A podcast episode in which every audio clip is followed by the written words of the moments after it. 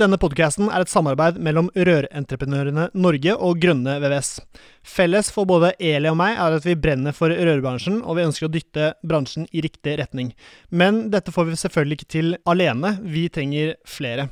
Du kan bidra med å abonnere på podkasten, skrive en omtale i iTunes og dele denne med folk eh, du er glad i.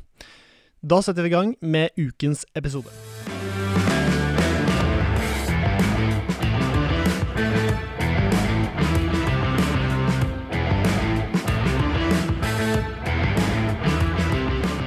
Hei og hjertelig velkommen til en ny episode av Bare Rør med Eli Hermine Heidal Eide fra Rør-Norge og Severin Popp Midtøyde fra Grønne VVS. Eh, Eli, hva skjer da? Noe nytt på, på planen?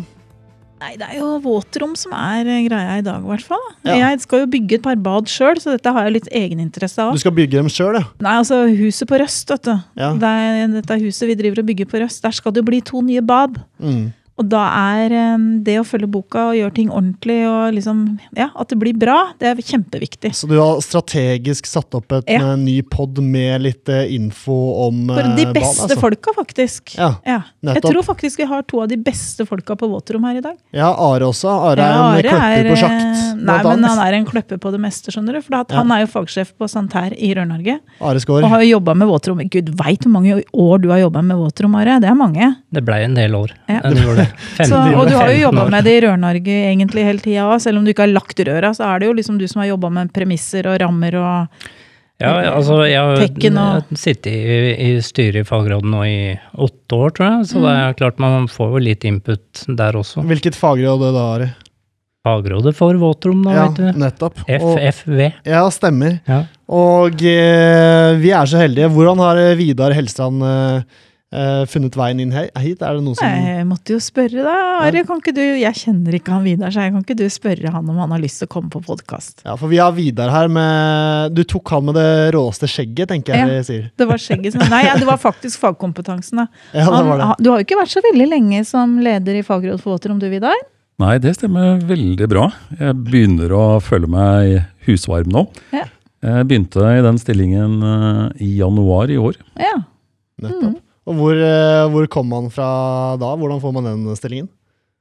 Du, eh, nå er jeg såpass heldig at eh, noen spurte meg om jeg var interessert. Og jeg må jo si at jeg er interessert i, interessert. i, i våtrom. Det er et spennende tema. Jeg er jo da utdannet VVS-ingeniør sånn til, langt tilbake i tid, i, i gamle dager. Og, og jeg liker jo gjerne å si at jeg har jobbet flerfaglig eller tverrfaglig med våtrom i de siste 20 årene. Det er jo kjernegreia til fagrådet òg.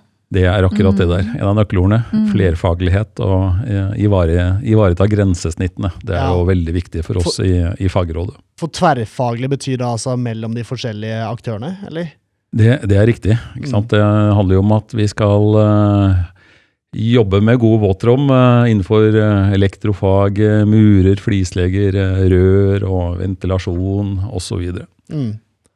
Så hva fagrådet for våtrom, hva er det de, er det de kan, kan tilby, eller hva er de, hva er det de jobber med til, til daglig? Eh, Vi jobber med mm, forskjellige ting. Det aller, aller viktigste er jo eh, det som vi ønsker og elsker å prate høyest om, og det er jo våtromsnormen. Mm. Eh, Det er jo på en måte kjernen i, i virksomheten. For den er jo på en måte veldig unik, i og for seg i både Europa og Skandinavia, i forhold til at det er den eneste flerfaglige normen som tar for seg våtrom. Hvor Mm. man nettopp har fokus med dette med samvirke. Ja, er, El- er vi i Norge jækla gode på våtrom i forhold til andre land, eller er vi midt på treet, eller bånn? Det er forskjellige måter å se på det på. Det, jeg tenker at vi er gode med de forutsetningene og den byggeskikken vi har her i, her i Norge. Eh, Og da tenker jeg på, hvis vi drar litt lenger sørover, så er det jo fort eh, mur og betong. Eh, Tunge konstruksjoner. Mens her i Norden, og spesielt i Norge, så er vi jo også veldig glad i trekonstruksjoner. Mm. Og da blir det spesielt viktig å, å ta hensyn til det når man skal bygge våtrom som skal vare lenge. Ja, mur råtner i hvert fall ikke. Nei, ikke sant? Det, da kan det være greit at eh, Eller du kan leve med at eh, vannet kommer på avveie innimellom. Mm. Eh, Den, den muligheten har vi ikke når vi har trevirke og Isolasjon. isolasjon, ikke minst. Stemmer. Mm. Du, Are, jeg er litt interessert i å høre om eh, din bakgrunn nå, ja, fordi du sitter og driver med så mye. Det er sjakter, våtrom og hurlum hei, altså overalt. Læreplaner og tekken og Eh, altså helt tilbake fra Ja, back in the days.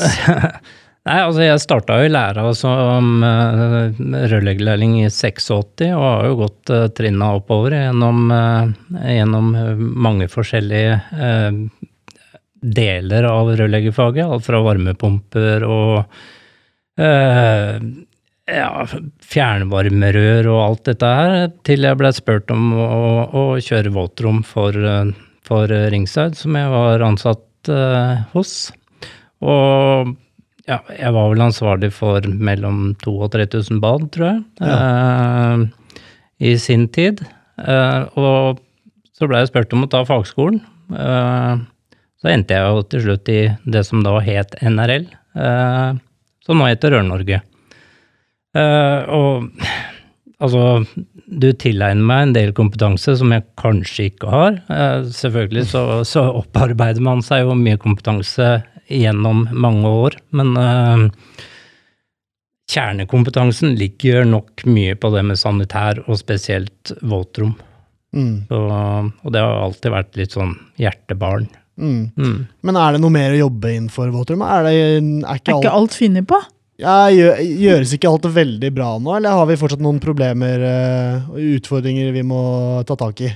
Jeg håper å si heldigvis så er det noen utfordringer. eh, Men det jeg skal også sies at det skjer heldigvis veldig mye bra i bransjen.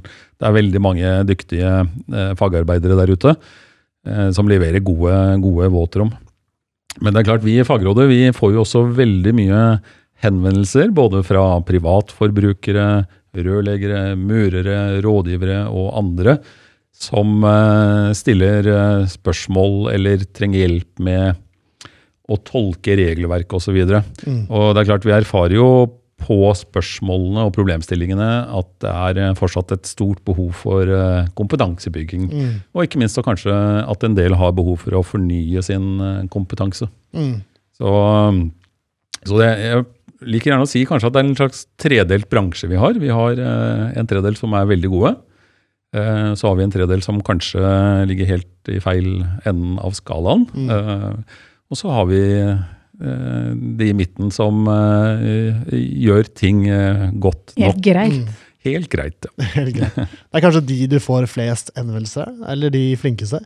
Eh, nei, det, er, det her er eh, jeg, jeg tenker det er en veldig En bransje som på en måte har eh, enkeltpersoner, enkeltaktører, eh, som, som er gode. eh, og så har vi som på en måte, at måte, Du har på en måte gode folk innenfor eh, nybygg og næring. Og så har du en del personer som vi treffer, og miljøer som vi helt klart opplever ikke har den kompetansen de burde ha. Mm.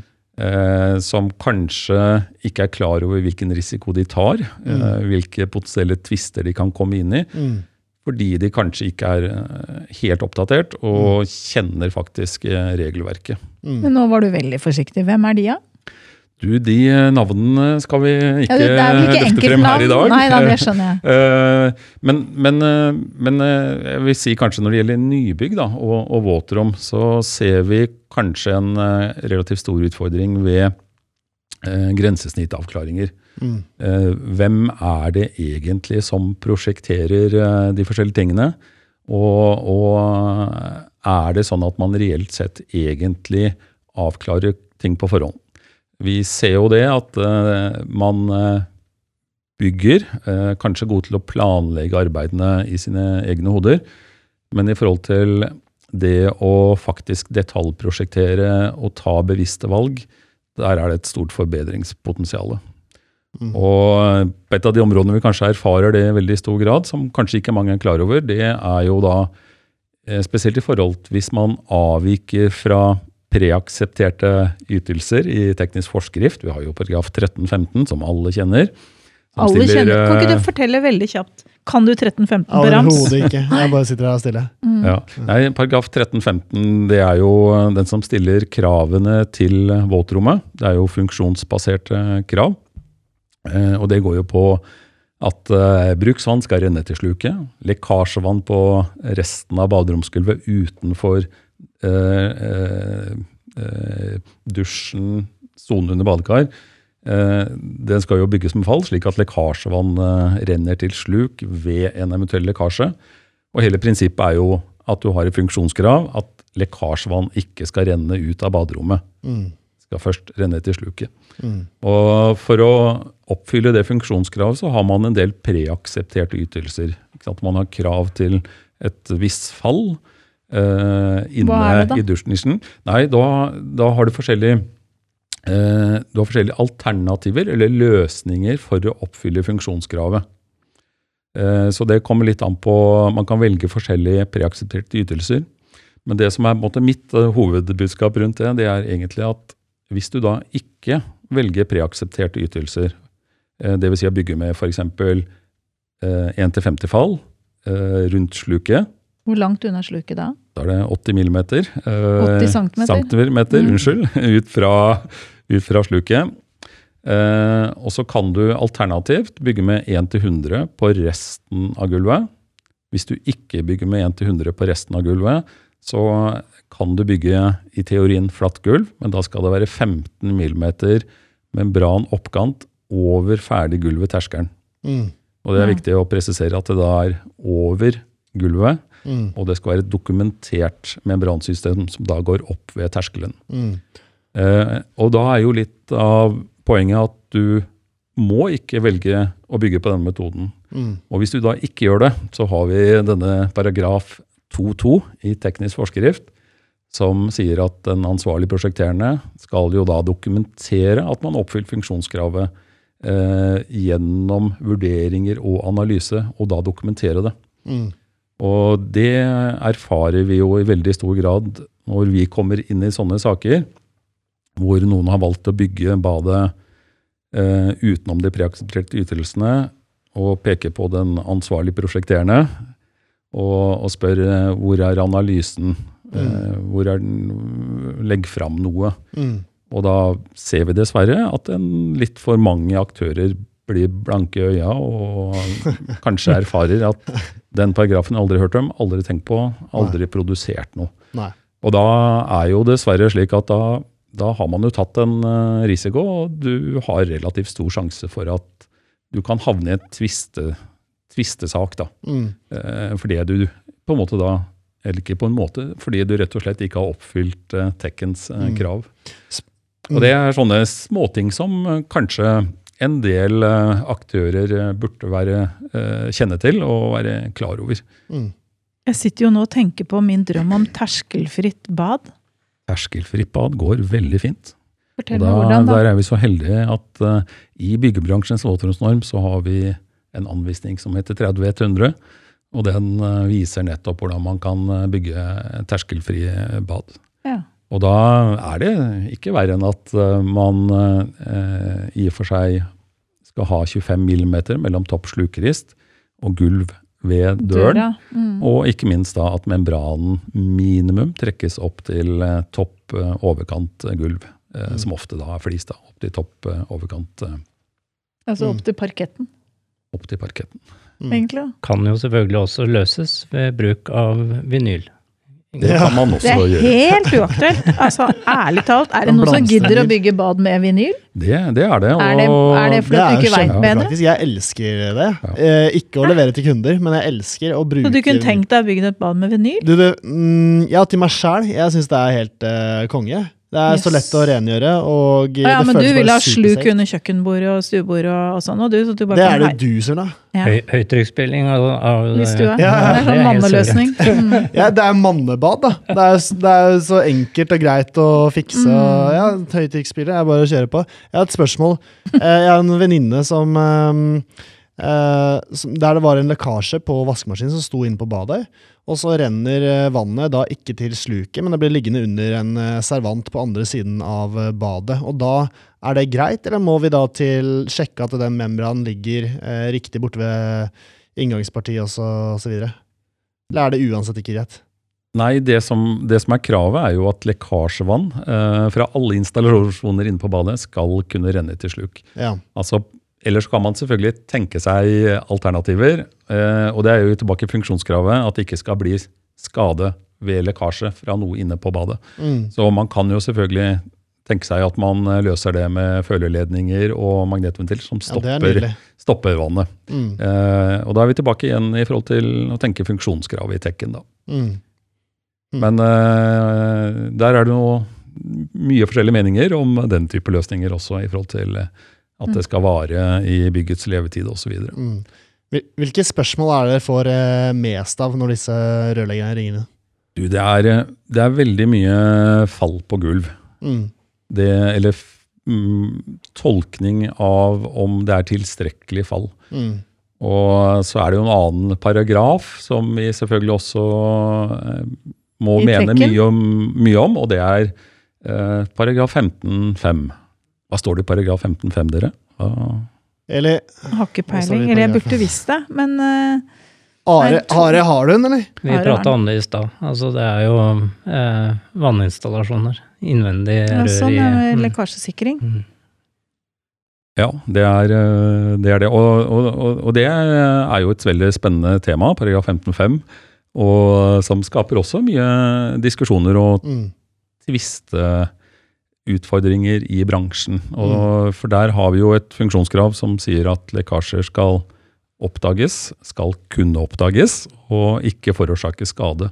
Det er forskjell på skal oppdages og skal kunne oppdages. Ja, og så er det det som da kommer etter, at det ikke skal medføre skade. Og det er jo litt utfordringen, da, at noen eh, jurister og rådgivere og arkitekter og andre leser det rent bokstavelig som at det er nulltoleranse for Mm. Lekkasjeskader. Mm. Og, og, det, og det her er jo et tema som jeg, Rør Norge også er veldig opptatt av. Mm. Og, og vi skal jo sammen med Rør Norge og andre nå nettopp se litt grann på den eh, ordlyden og foreslå en ny veiledning til Direktoratet for byggkvalitet, Mm. eh, som kan bidra til at bransjen får en litt sånn eh, enklere hverdag og forutsigbarhet i forhold til om man er innenfor eller utenfor forskrift. Mm. Det er smart å justere veiledningen, da, for da kan hende det skjer. Det hjelper ikke, så det er ikke så lett å regulere tekken. Det er eh, bakgrunnen for at vi nå Det først og fremst fokuserer på, på, på veiledningen. Jeg kan tro at der får man mye spørsmål, for det er eh, inne på Rørleggere Norge, eller hva det den der, eh, Norges rørleggere. Norges rørleggere, der er diskusjonene mange rundt uh, Og så sykt mange som mener noe. Ja, Mm. ja, ja. Så um, Det er ikke lett. det er helt sinnssykt. Det skal jo være sagt at eh, Direktoratet for byggkvalitet har jo kommet med en avklaring på hjemmesidene som man finner hvis man leter litt. At eh, det er ikke ment at man skal unngå vannlekkasjer for enhver pris. Altså eh, hvis man le leser litt sånn forskjellige lektyre som er utgitt fra forskjellige typer eh, aktører, så er det jo på en måte Da skal man jo sikre alle skjøter osv. osv. Men det er ikke det som har vært meninga med paragrafen. Man, eh, men man skal bygge på en måte sånn at eh, byggverket holder mål. Eh, Men skjer en lekkasje, så er ikke det verre enn at det skal kunne eh, skje. Mm. Ja, Det som var på en måte hovedintensjonen, var jo når eh, Tech eh, 10 kom, eller etter eh, at man gikk bort fra Tech 97, var jo at man egentlig hadde som hovedmål å sikre seg at man ikke fortsatte å støpe inn vannrør i etasjeskillere. Mm. Og legge dem i bjelkelag og i lettvegger osv. Mm. Eh, og få, få, få de ut og mer tilgjengelig. Det er jo på en måte intensjonen. da. Men det, den intensjonen fremkommer jo ikke i forskriften, og derfor er det jo igjen ikke sant, eh, mat for tolkning. Mm. Og eh, da igjen eh, problemer for alle aktørene i bransjen. Mm. Men sånn, nå er det veldig populært med innbyggingsarmaturer i alle mulige former, både i form av dusj og armaturer. Og servant, og så alt. Og så er jeg på min vei, etter at jeg skal bygge ny bad, så må jeg innrømme at jeg bruker jo litt tid på research. Det er sånn min nye lørdagshobby, er jo å reise rundt sånne våtromsbutikker. og fliseleverandører. Og jeg ser jo det at når jeg begynner å stille litt spørsmål om det her, så ser jeg jo til og med at eh, leverandører har begynt å få produsert sine egne løsner, løsninger for å kunne eh, ha armatur inni veggen. Fordi at de har kanskje Jeg er ikke sikker på om alt er like godkjent engang. D- Hva er, hva er lov? Hva kan du gjøre? Hva, hva må jeg som rørlegger tenke når jeg skal ha en innbygningsarmatur? Er alt som blir levert, greit? Nei, det, det er det ikke, eh, og et veldig godt spørsmål. Eh, Og eh, eh, da er vi jo litt tilbake til forskriften eh, og hva den sier. Eh, Og det andre er at eh, vi har jo også da denne DUK-forskriften, som går på dokumentasjon av eh, sanitærmateriell. Eh, Men, eh, men der, eh, der er det jo veldig viktig at man ivaretar dette funksjonskravet om at lekkasje skal kunne oppdages, og at det rett og slett er utskiftbart. Og der er det selvfølgelig historisk og fortsatt bygges mye innbyggingsarmatører som ikke oppfyller det kravet. Så du er på en måte avhengig av å ha den boksen med membrantetting og en mulighet for å skifte ut den delen som da sitter inni veggen. For det er det et krav om i, i, eh, i forskrift, rett og slett. Ja. Og, og der ser vi selvfølgelig at rørleggeren har en veldig veldig viktig rolle i forhold til kanskje spesielt inn mot privatmarkedet. For det, det er jo faktisk sånn at når eh, man leverer noe i henhold til lov om håndverkstjenester, så, eh, så er jo rørleggeren den proffe parten, og, og privatforbrukeren er en privatforbruker. Og da, da har man et ansvar rett og slett for å veilede og fraråde. Mm. Eh, ser jo selvfølgelig at det er utfordringer med det, i forhold til at eh, man ønsker eh, omsetning og tilfredsstille kundens behov og ønsker. Men jeg tror det a er greater idiot. Er det ikke det? Ja, det, poeng det. Ja. Mm. Så, så, så der tenker jeg at det er viktig at dere, eh, de som representerer rørleggeren, er tydelig i sin frarådgivningsplikt. Hvis ikke Mm. så tar man en potensiell risiko, da. Mm. Men hvis jeg da bestemmer meg for at nei, jeg har lyst til å ha en sånn, eh, sånn rør som kommer ut av veggen, litt over servanten, som skal liksom være servantbatteriet mitt med et sånn en hendel. Den boksen som den leverandøren tilbyr, kan jeg stole på at den er godkjent? Og er det sånn at når jeg skal, ha, jeg skal sette, den skal komme ut av en sånn flisevegg, må jeg da eh, skal, jeg ta, den- skal jeg kunne demontere den inne fra badet, eller er det greit at jeg har en gipsvegg på rommet ved siden av som jeg kan ta Ja, det der med tilgang for utskiftning, så, så er det jo slik at eh, der har vi egentlig heller ikke så veldig mye å støtte oss på i bransjen, i Nei. forhold til eh, eh, hva bransjelitteraturen sier. Men det er én anvisning som kan være greit for dere å være klar over, og den har dere og det er jo da denne anvisningen eh, til Byggforsk, som kom for to-tre år siden, som tar for seg sjakter. Eh, Den har eh, beskrevet og, og forklart hvilke vilkår som må være til stede for at du kan eh, betrakte en gipsplate som eh, eh, greit å gå gjennom for å skifte ut en installasjon. Er det den 553002? Det stemmer nok, ja. Eh, vi har også tatt inn betraktninger i forhold til, eh, til hva som er utskiftbart i den eh, bransjenormen vi har nettopp gitt ut. Ja, i, i sjaktene. Mm. Men ja, for i min verden så tenker jeg sånn, det å kappe opp ei gipsplate inne på et soverom for å komme til, det er jo ganske lett, for da er det jo bare å sparkle og fikse. Mens ja, det å rive halve badet for å komme til, må jo være verre. Du er- kommer jo til kassen, du gjør det, men kassen er jo lukket og er jo bare åpen inn mot badet, vanligvis. Så jeg tror ikke du får gjort så veldig Men mye Men den jeg skal ha, der er det bare, det er ikke noe sånn, jeg så Tapwell har noe sånn der, svært sånn, Du har ikke lokk. tilgang hvis du det vil jeg ikke ha. Jeg vil jo ha et, jeg vil ha et flisvegg, og så vil jeg ha bare rør som kommer ut. Jeg vil ikke ha noe sånn annet dill-dall. Da er det nok eh, lite utskiftbart, for å si det sånn. Men jeg vil ha det. Ja, det sier er jeg. synd for deg. Ja. Ja, det var Men da er det ingen rørleggere som gjør det. Jo, det er det nok. Men, eh, men det er jo mange Disse lever. Hans altså. Groe, Groe, alle disse her har jo det her.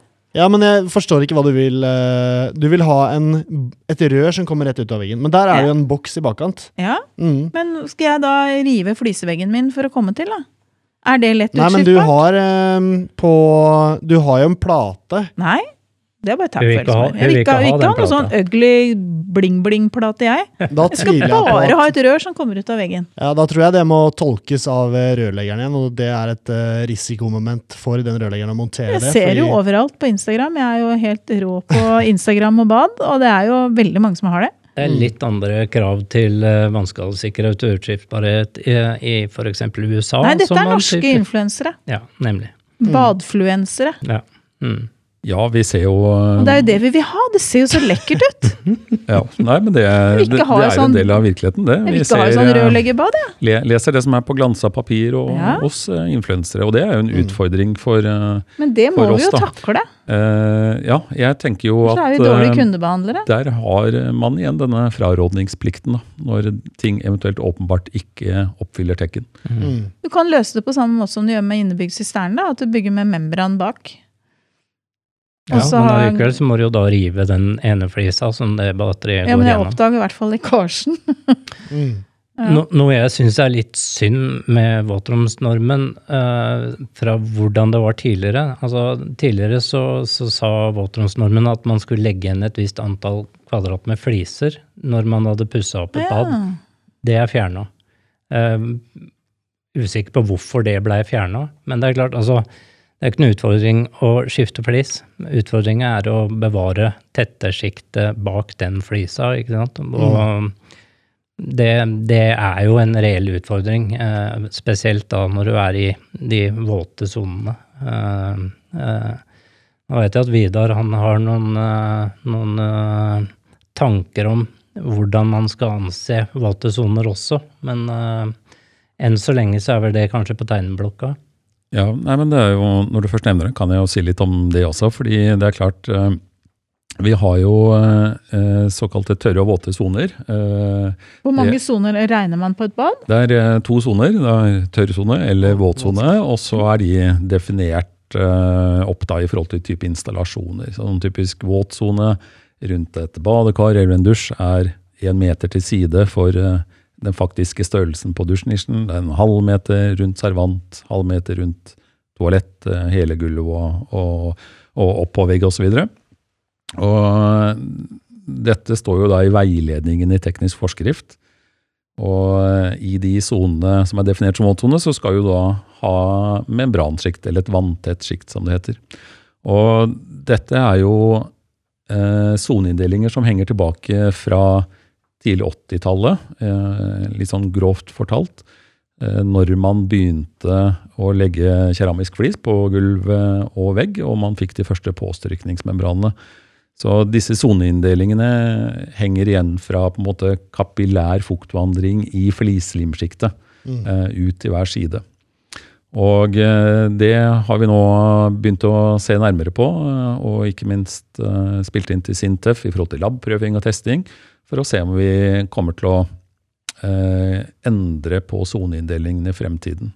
Og da også selvfølgelig spille det inn til, til Direktoratet for byggkvalitet, for de har jo de samme definisjonene i veiledningen i, i, i teknisk forskrift. Så for det var en av dere som spurte i stad, eh, i forhold til hva vi får mye spørsmål om dagen.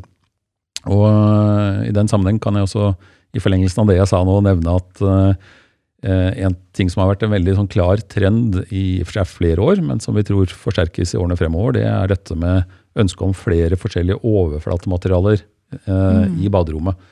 At du har ikke enten bare malingssystem eller bare flis, men at du nettopp vil kombinere med flere materialer. Mm. Og da blir disse soneinndelingene veldig viktige. Ja. Eh, og, eh, og ikke minst så har vi nå veldig fokus på da også å jobbe ut eh, anvisninger som viser hvordan man skal løse overgangene mellom forskjellige typer mm. overflater, materialer og tettersjikt i ett og samme baderom. Sånn at bransjen får noe å Ja, seg på. det har jo ikke jeg tenkt på. Jeg har jo tenkt å ha en vegg som er eh, malt. Mm. Men åssen i foglerne skal jeg få det tett? For det er jo forskjellige systemer. Har Det var litt å si i forhold til størrelsen på badet ditt også. Eller våtrommet, som det faktisk heter. Det altså. Ja, hvorfor het, er det eh, Jeg opplevde en gang at definisjonen på våtrom Jeg var ikke helt med der. men Jeg trodde at hvis jeg har et rom med en, et dusjkabinett og en do og en servant, så er det et våtrom. Men nei da, sa takstmannen. Det er det ikke, for du har jo ikke sluk. For jeg hadde da kjørt det dusjkabinettet, for det var jo noe som kom, det var bare et toalettrom som ble utvida. Det hadde jeg kjørt inn rett på avløpet. eh, Med vannlås, selvfølgelig. Eh, Og da var det ikke et våtrom. Og jeg var sånn litt nedtur når du skal ha takst. Men skal du ha dusjkabinett på Jeg vil ikke ha det nå, men det var et sted jeg bodde før som vi måtte trikse litt for å få en dusj til Ja, i huset. da. Men man kan jo bruke tørre rom eh, Som som, et våtrom. eh, ved hjelp av automatikk. ikke sant? Ja, stemmer. Men det er jo ikke noe ønska situasjon, selvfølgelig. Altså, eh, det, som Det var er en nødløsning. Med, det som er fint med tekken der, er jo at de definerer eh, i teknisk forskrift hva som er et våtrom. Mm. Og det er typisk baderom, det er dusjrom, og det er vaskerom. Mm. Ikke sant? Det er de tre rommene som er definert som våt, våterom. Mm. Eh, vi får jo mange spørsmål om eh, typisk et toalettrom. Da. Altså, fornuften ville jo sagt at det kanskje var et våtrom, men det er det jo ikke. Nei. Så har man toalettkjerner ute på offentlig bygg f.eks., hvor man har sju, åtte, ni, ti Det burde i hvert fall vært våtrom. Nei, ikke nødvendigvis. Men man kan legge ned sluk. Mm. Er det allikevel våtrom? Nei, Mm. det er ikke det, vet du. Nei. Men man kunne ha spart veldig mye automatikk ved å legge ned et sluk istedenfor å ha automatiske vannstoppere Mm. på hver eneste toalett. Var det bare jeg som hørte den Nida-reklamen nå? det er ikke det, vet du! Vi jobber fortsatt med å bygge det beste baderommet! Ja. Eh, Et eksempel på dette her med eh, bad og forskjellige overflatematerialer som er eh, vist seg å være litt problematisk, og som har fått litt oppmerksomhet nå i 2022, det er det man gjerne kaller hyttebad. ja. Eh, Der er det jo sånn at man gjerne ønsker keramisk flis inne i dusjnisjen, og så vil man kanskje ha trepanel rett, vegger og rett på utsiden, og lafta vegger rett på utsiden av dusjnisjen. Og, og da har man en eh, utfordring eh, i forhold til dekken, som da Mhm. sier at du skal ha en meter til side med tettesjikte. Mm. Eh, Det er den preaksepterte ytelsen òg. Mm. Og der ser vi nå at mange takstmenn, og også en del kunder, er klar over disse soneinndelingene i, eh, i våtrom og hva som gjelder. Og eh, vi får nå veldig stor pågang fra hytteprodusenter og ikke minst takstmenn som undersøker våtrom, eh, der de lurer på hva som gjelder. Og det vi erfarer da, det er jo nettopp det som jeg sa i stad, at de som har vært ansvarlig for utførelsen og prosjekteringen, som da har avviket fra disse preaksepterte ytelsene, ikke har noe som helst dokumentasjon eh, å legge fram i forhold til at de har oppfylt funksjonskravet. Eh, og her er det på en måte en litt sånn teoretisk problemstilling, og det andre er selvfølgelig en sånn, rent sånn praktisk hvordan man skal løse det. Er det løsbart? Det er løsbart, og eh, eh, det her er nettopp derfor vi eh, tenker at vi skal få laget nye anvisninger som bransjen kan støtte seg på i fremtiden, innenfor eh, i nær fremtid. Eh, for det er mulig å, mulig å løse det teknisk. Eh, men vi ser jo også at det har vært bygget eh, da hytter som har svake løsninger, hvor det er potensial for at enten er allerede er blitt skadet eller kan bli skadet i fremtiden. Så, eh, og vi i Fagrådet vi har jo selvfølgelig et ønske om å kunne bidra og hjelpe bransjen med det de har problemer med. Mm. og det skal vi prøve å få til her, da. Mm. Jeg tenker litt på sånn fukt, altså fukttransport da, gjennom vegger og sånn, fra et bad spesielt. Eh, må jo bli en utfordring i forhold til noe sånn kondensering og Ja, Det kan bli ganske heftig hvis du velger å ha en lafta yttervegg, og så skal du ha et varmt og fuktig bad på innsida. Det kan jo bli ja, nå er det sånn at eh, tømmerstokkene, de eh, på en måte laften, det har evne til å ta opp og avgi eh, fukt. Måtte regulere, regulere klimaet i badet. Men eh, nå sa jo du at du skal pusse opp badet ditt. Mm. Jeg har lyst til å spørre Jeg skal bygge nytt. jeg skal bygge nytt baderom, eller eh, bygge nytt hus, eller nytt baderom. Mm. Eh, har du, er det kanskje sånn at en av baderomsveggene er mot et soverom? To. To av veggene i det Mm. badet er mot soverom. Mm. Og da er det jo veldig mange som har fått med seg at eh, det er spesielle krav til, eh, til eh, luft- eller dampdiffusjonstetthet, Mm. eh, Snekkeren min hadde fått med seg det. på ytterveggen. At du Ja, skal ha denne såkalte ST-verdien på Mm. minimum 10 meter. Ja. Og da, det er litt sånn viktig å tenke på nettopp eh, hvordan man skal bruke det soverommet. Ja.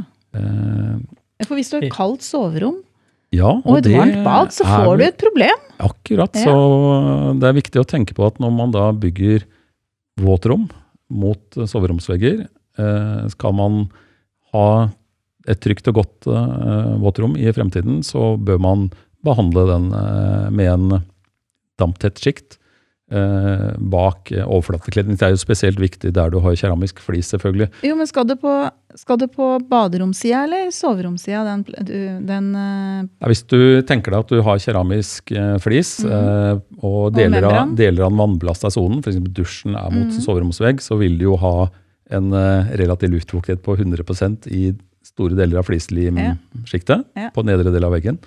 Og da er det jo slik at eh, den fuktigheten som er i det flislimsjiktet, den Mhm. vil vandre eh, den veien hvor det er lavest relativt vanndamptrykk, mm. dvs. Si gjennom membranen.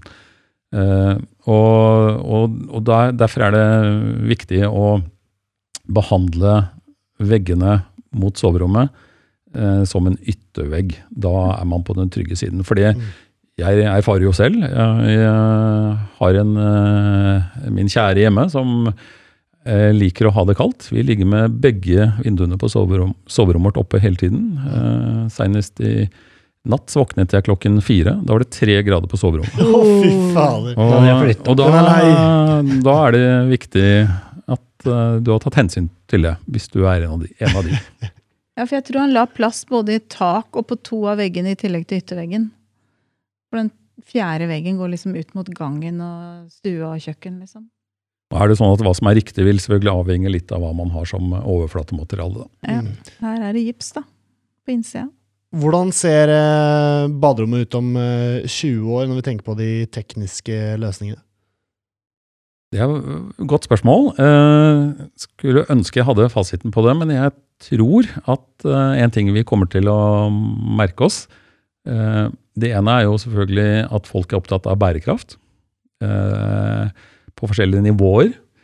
Det andre er jo at vi i Norge selvfølgelig sannsynligvis kommer til å ha ganske god økonomi også i årene fremover. Så vi har både muligheten til å fornye badet relativt ofte. Mm. Eh, Men jeg tror på en måte at det å ha fokus på bærekraft og ønske om å fornye overflaten estetisk blir viktigere og viktigere. Mm. At eh, man ønsker i større grad å fornye deler eller hele badet uten den store moderniseringen. Mm. Og da kommer jo nettopp dette inn med litt forskjellige overflatematerialer på Mm. baderommene. Mm. Eh, hvor du kanskje ønsker å kunne male en vegg lett, eller bytte overflatekledningen. Eh, Treverk er jo en greie. treverk er eh, muligheter. Eh, ikke nødvendigvis kanskje det helt optimale midt i dusjen, men på de andre delene av badet så er jo det fullt mulig. Mm. Eh, så det å tilrettelegge og tenke baderom som er enklere og estetisk fornye, Mm. tror jeg nok vil, vil stå Hvordan sterkere og gjør man sterkere. eh, det? Nei, det er jo da nettopp det å kombinere materialer, da. Det, det er klart eh, Det kan jo være pussa teglvegger som er lett å male. Det kan Mm. være malingssystemer som er godkjent både for membran i våtsoner og i tørre soner.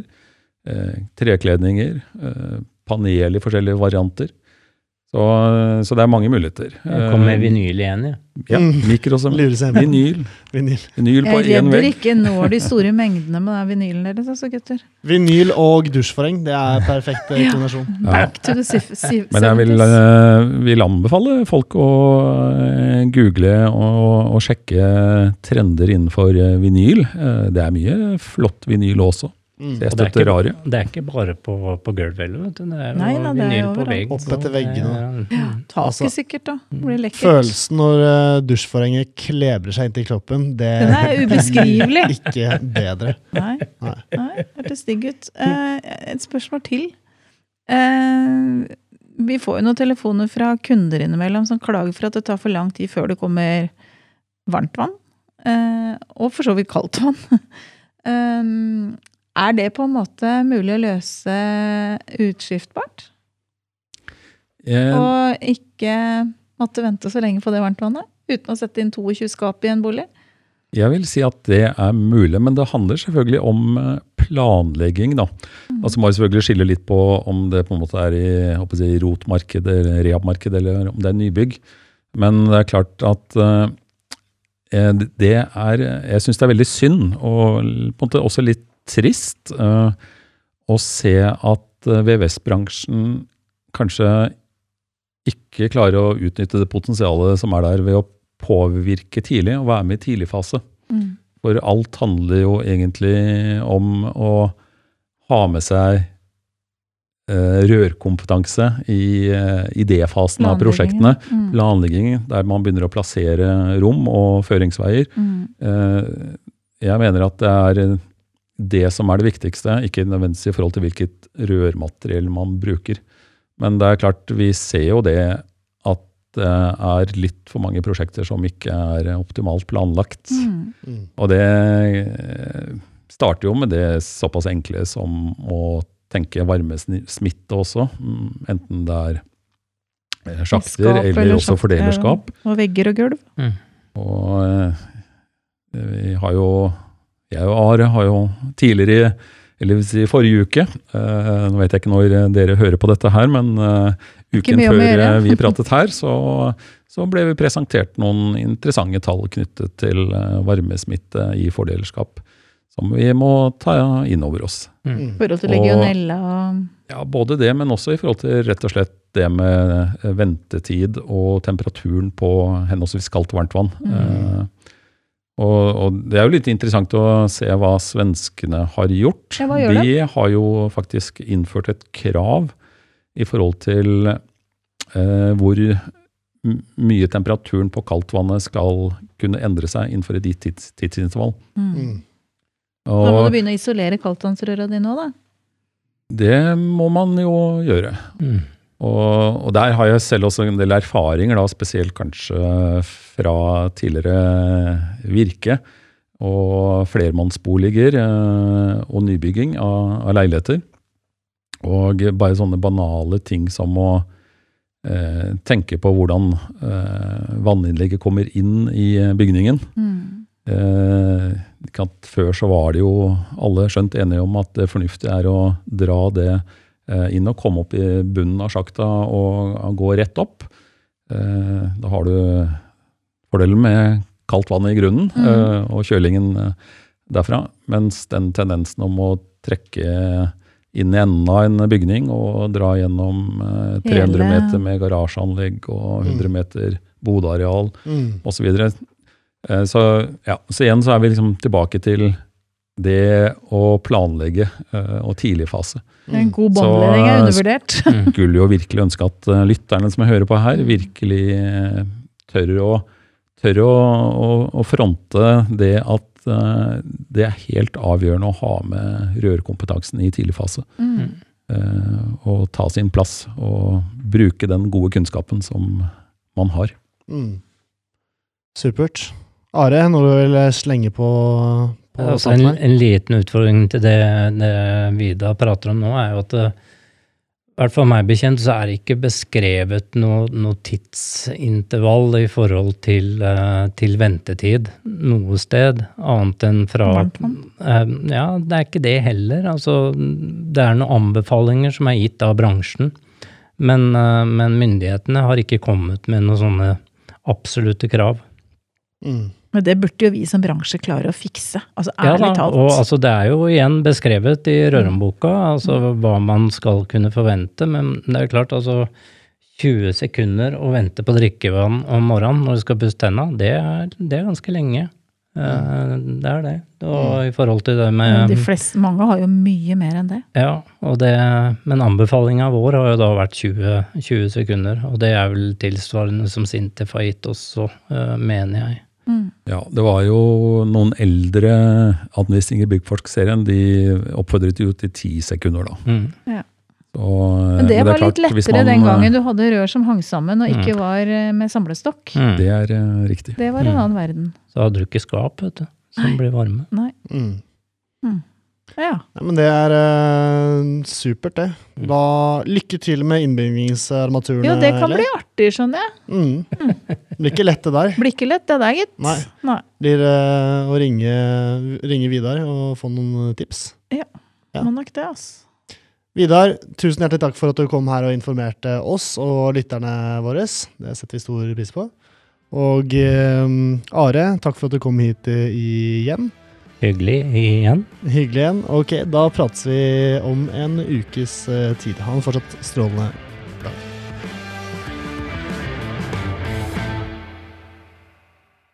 Halla, hvis du likte denne podcasten, hadde vi satt utrolig stor pris på om du abonnerte og gir oss en tilbakemelding i avspilleren.